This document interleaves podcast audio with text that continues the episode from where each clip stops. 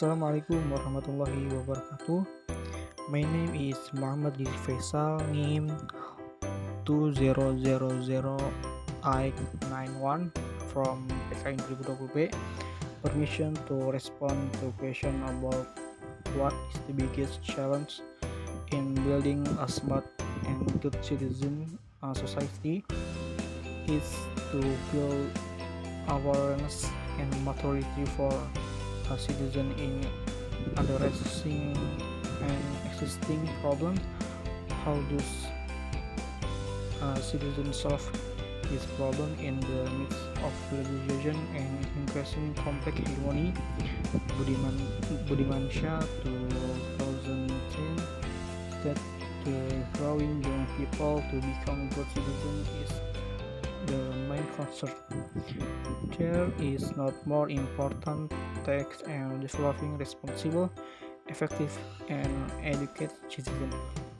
Saying in the importance of building the young generation, it is our imperative for to foster and shape the personality character of the youth generation. Uh, however, in crying out this vision, it is not an easy problem for us to carry out. There are many challenges that we must face such uh, obstacle.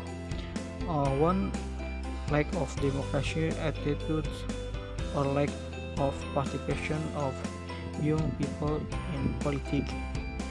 Uh, two, tolerance and mutual respect.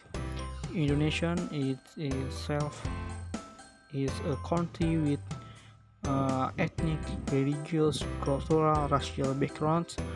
Uh, of course, with its many diversity, words are still a matter that is often debated.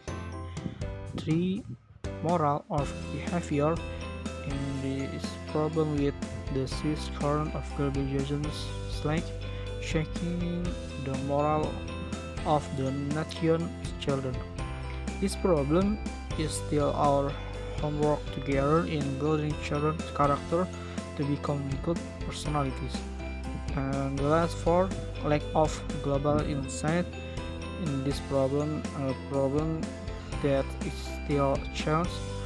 The problem is our readiness to change, such as challenge, regionalization, polarization, marginalization, and fragmentation. Thank you.